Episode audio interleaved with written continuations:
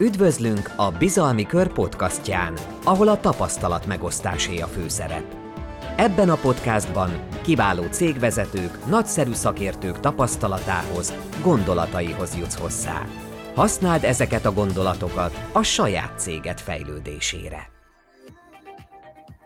Nem az szól benne. Itt is van velünk Gazi Attila, bizonyára mindegyünk nagyon kíváncsi már, hogy, hogy mégis mi várható, egy elhúzódó válság várható, vagy pedig robbanásszerű minden kinyit, és megindul a gazdaság. Erről fogunk beszélgetni Gazsi Attilával, a Vállalkozók Országos Szövetségének elnök helyettesével. Szia Attila! Sziasztok, köszöntök mindenkit! Annyira örülök, hogy hallak, mert az előbb nem ezt hallottam egyáltalán a fülesembe. Szerinted mi várható, milyen gazdasági helyzet van most, és szerinted mi várható? Hát kettős a helyzet. Egyrészt a egyik oldalról azt gondolom, hogy mindenki nagyon várja már a, nyitást, nagyon várja azt, hogy, hogy elinduljon a gazdaság abban az értelemben, ami a, a 19-ben vagy 20, a 20-as év elején el, abba hagytunk. Most már ez kezd sok lenni mindenkinek, tehát azért az elmúlt egy év senkinek nem volt könnyű. Nyilván volt benne egy viszonylag védhető nyár, ahol még azért mozogni lehetett, itt voltak az éttermek, el lehetett menni a Balatonra, vagy el lehetett menni Magyarországon nyaralni, de már, de már az utazásokban látszott az, hogy a nyári utazások is eléggé visszafogottak voltak. A az idei évre várhatóan én, én, én kettős dolog van bennem. Egyrészt nyilván nem működik az, amit gondoltunk az első pillanatban, hogy egy válság után egy hirtelen felpattanás következik be, és mindenki ugyanazzal a lendülettel fog dolgozni, árbevételt csinálni. Most főleg a vállalkozók oldaláról mondom ezt, gondolom a, a hallgatók többsége is a vállalkozókhoz áll közel. Tehát azt nem gondolnám, hogy egyből mindenkinek ugyanolyan lesz, mint 2019-es éve volt, viszont az várható, hogy a felgyülemlett és el nem költött lakossági megtakarítás egy része, az rögtön beáramlik a belső fogyasztásba. Tehát lefordítva ez azt jelenti, hogy azért bőven fognak költeni a, a, a, a lakossági felhasználók. Uh-huh nagyon-nagyon fontosnak tartom azt, hogy, hogy nem úgy kell elképzelni ezt a nyitást, hogy egyik napról a, a másikra mindenki tud nyitni, és minden ugyanúgy fog tudni menni. Lesz, aki, aki ki se fog tudni nyitni, lesz, aki tönkrement, lesz, aki nem volt olyan szerencsés, hogy az elmúlt időszakot átvészelje, viszont lesznek teljesen új dolgok, azért az életünk is megváltozott. Régebben azért mindenki preferálta a személyes megbeszéléseket, egy Most nap, két, három tárgyalás volt. Manapság ez már online történik, és sokkal több, sokkal hatékonyabb megbeszéléseket lehet folytatni. Te azért 40 ezer vállalkozót képviselsz. Mi az, ami a leggyakoribb probléma náluk? Mi az, amit hallasz tőlük? Hát leginkább ugye az első körben, hogyha visszamegyünk egy évvel ezelőttre, azt mondanám első körben, hogy az a bizonytalanság, ami, ami abból az új jellegű válságból adódott, hogy ilyen, ilyet még nem tapasztaltunk soha életünkben. Tehát volt már pénzügyi válság, ami egy, bizalma, egy banki bizalmatlansági válság volt, és a, az ingatlanpiacból indult ki, Amerikából, és végig söpört a világon. Ennek meg voltak az okai, és lehetett látni azt, hogy mi az a, mi az, az irányvonal, ami mentén szépen vissza lehet jönni, felkapaszkodni, és egy, egy közepesen meredek, két-három éves visszazárkózással el tudtunk érni oda, hogy erősebbek voltunk, mint a 2008-as válságban.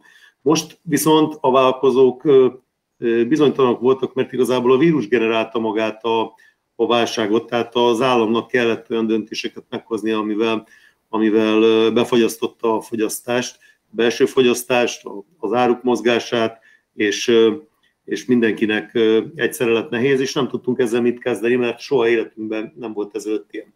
Emiatt a legnagyobb probléma nyilvánvalóan a félelem volt attól, hogy mikor lehet újra nyitni, mikor lehet újra vállalkozni, mikor lehet újra azt a szolgáltatást nyújtani, amit megszoktunk, és emiatt a kormány, bár én azt gondolom, hogy néhány héttel később, de azért a néhány hét az nem egy olyan nagy idő, azokkal a, azokkal a segítségekkel, amit az elején adott, a, mind a, a bérben, mind pedig a, a hitel moratóriummal, az egy rendkívül kedvező dolog volt. Tehát ha csak azt gondoljuk végig, hogy, a, hogy az elmúlt több mint egy évben nem kellett hitelt visszafizetni azoknak, akik erre vagy képtelenek voltak, vagy nehezen tudtak volna megvalósítani. Ezzel azt gondolom, hogy, hogy nagyon sok, majdnem 2000 milliárd forint maradt a egyharmad részben a lakosságnál, kettőharmad részben pedig a vállalkozóknál, és ez az a, a dolog, ami egy a jelentős részét a vállalkozásoknak átsegítette a, a válságon.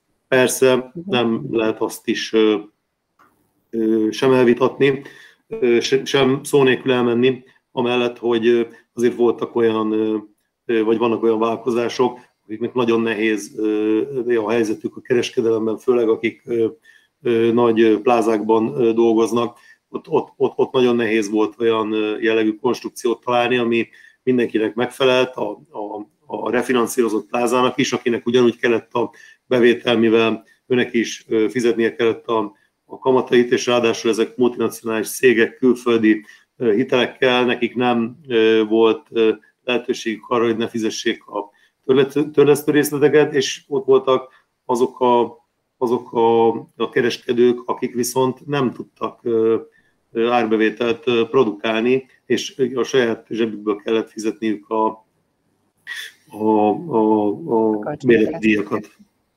És most jelenleg egyébként milyen, milyen finanszírozási lehetőségek vannak a KKV-k részére?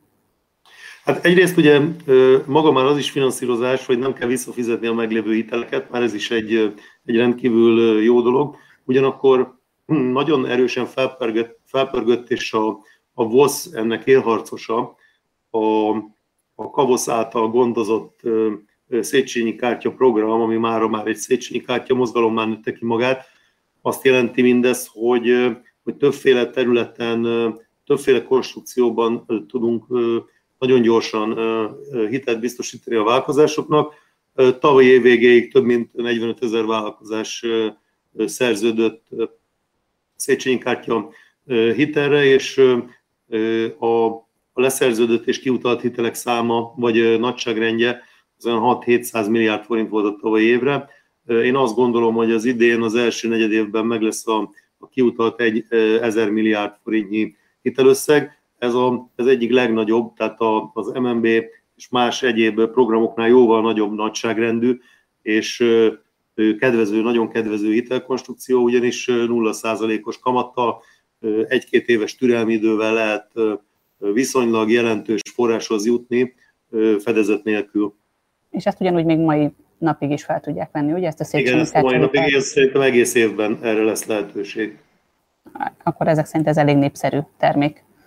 Igen, nagyon, nagyon, nagyon népszerű, és nagyon, tehát két-két és félszer annyi terméket értékesítettünk, mint a, a tavalyi évben. Uh-huh. Magyarországon milyen megoldások vannak vállalkozók érdekvédelmi, érdekvédelmével kapcsolatban? Vannak egyáltalán? Vannak, többféle lehetőség is van mindenhol, tehát Magyarországon ugye azért a 90-es évektől kezdődött el újra a, a, klasszikus értelemben vett érdekvédelem előtte. Ugye az állam képviselte mindenkinek az érdekét, attól függően, hogy az adott személy szerette volna ezt, vagy nem.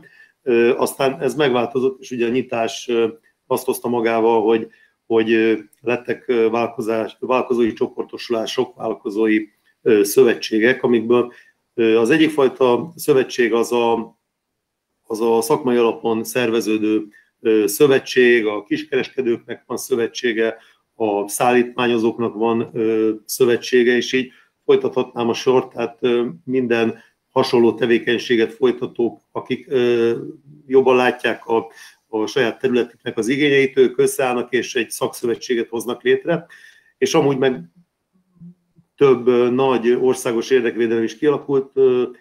A legnagyobb, máig a legnagyobb azt gondolom, és és a legtöbb tagot mozgósítani tudó a VOSZ, ami egy, egy általános érdekvédelem, a vállalkozók érdekeit védi a mikro, kis és középvállalkozóktól kezdve egészen a nagyvállalkozókig. De nagyvállalkozóknak ott van például a, a, az MGYOSZ, ami, ami, ami leginkább a, a, a ténylegesen nagyon nagy vállalkozókat tudja képviselni.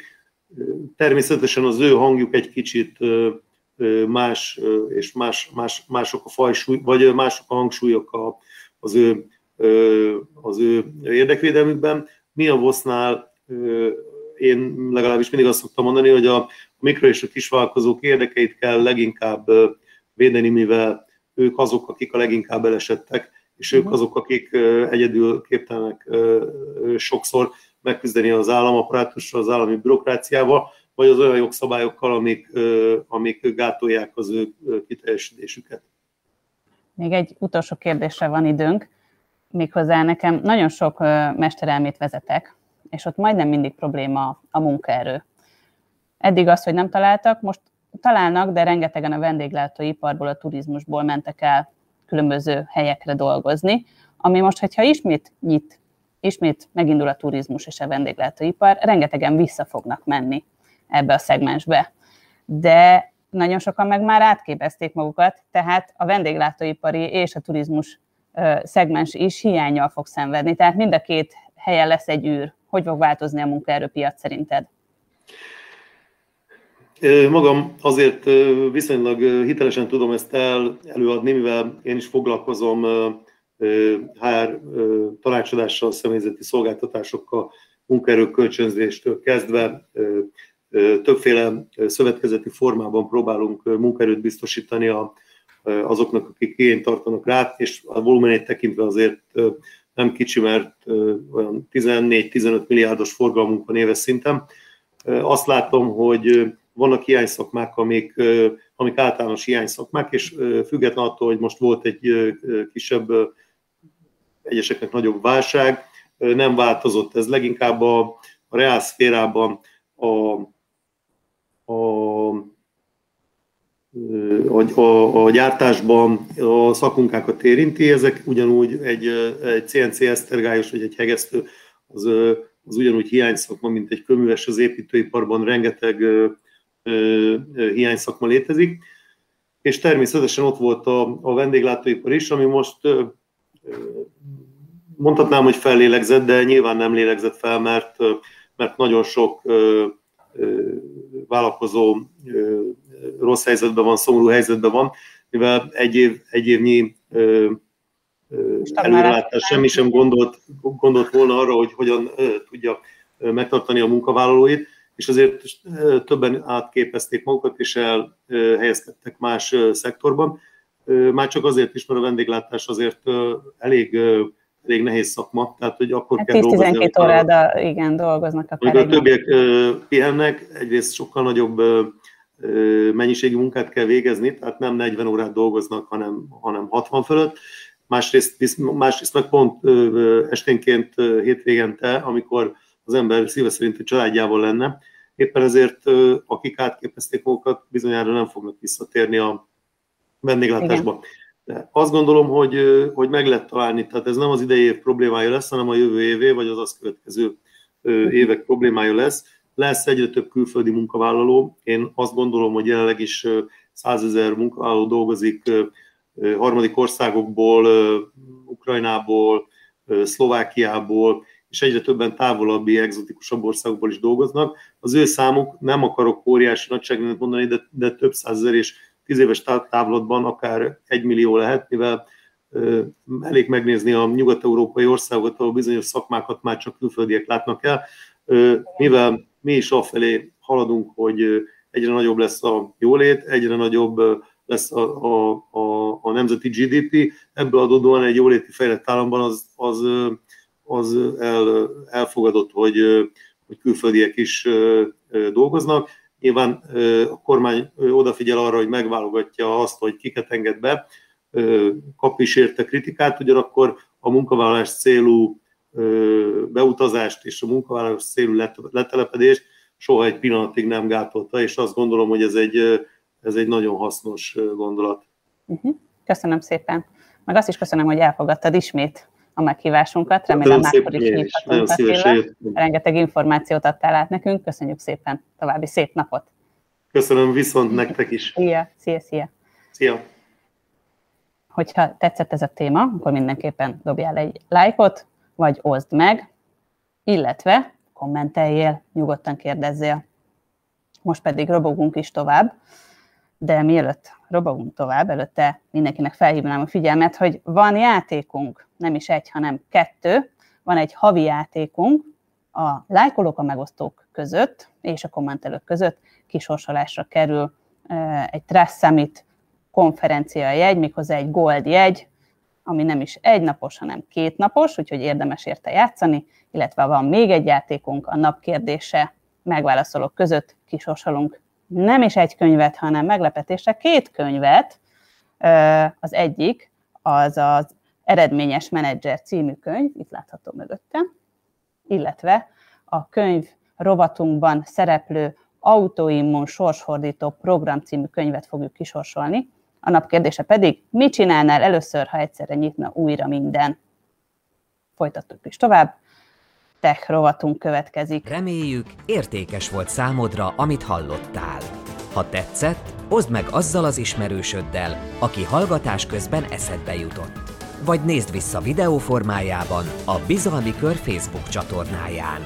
Várunk vissza egy másik podcastban további értékes cégvezetői tapasztalatokkal.